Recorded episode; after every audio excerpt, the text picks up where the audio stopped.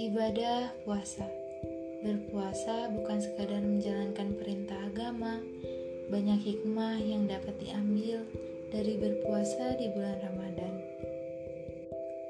Hikmah menjalani puasa Ramadan dapat dijadikan pelajaran dan juga peningkatan di kualitas diri serta keimanan.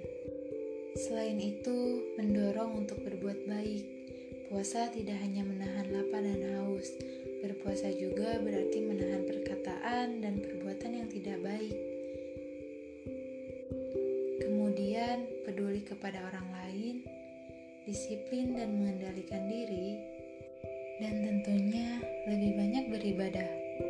Apalagi dalam suasana social distancing, hikmah puasa tahun ini bisa dimanfaatkan untuk fokus dan memperbanyak ibadah.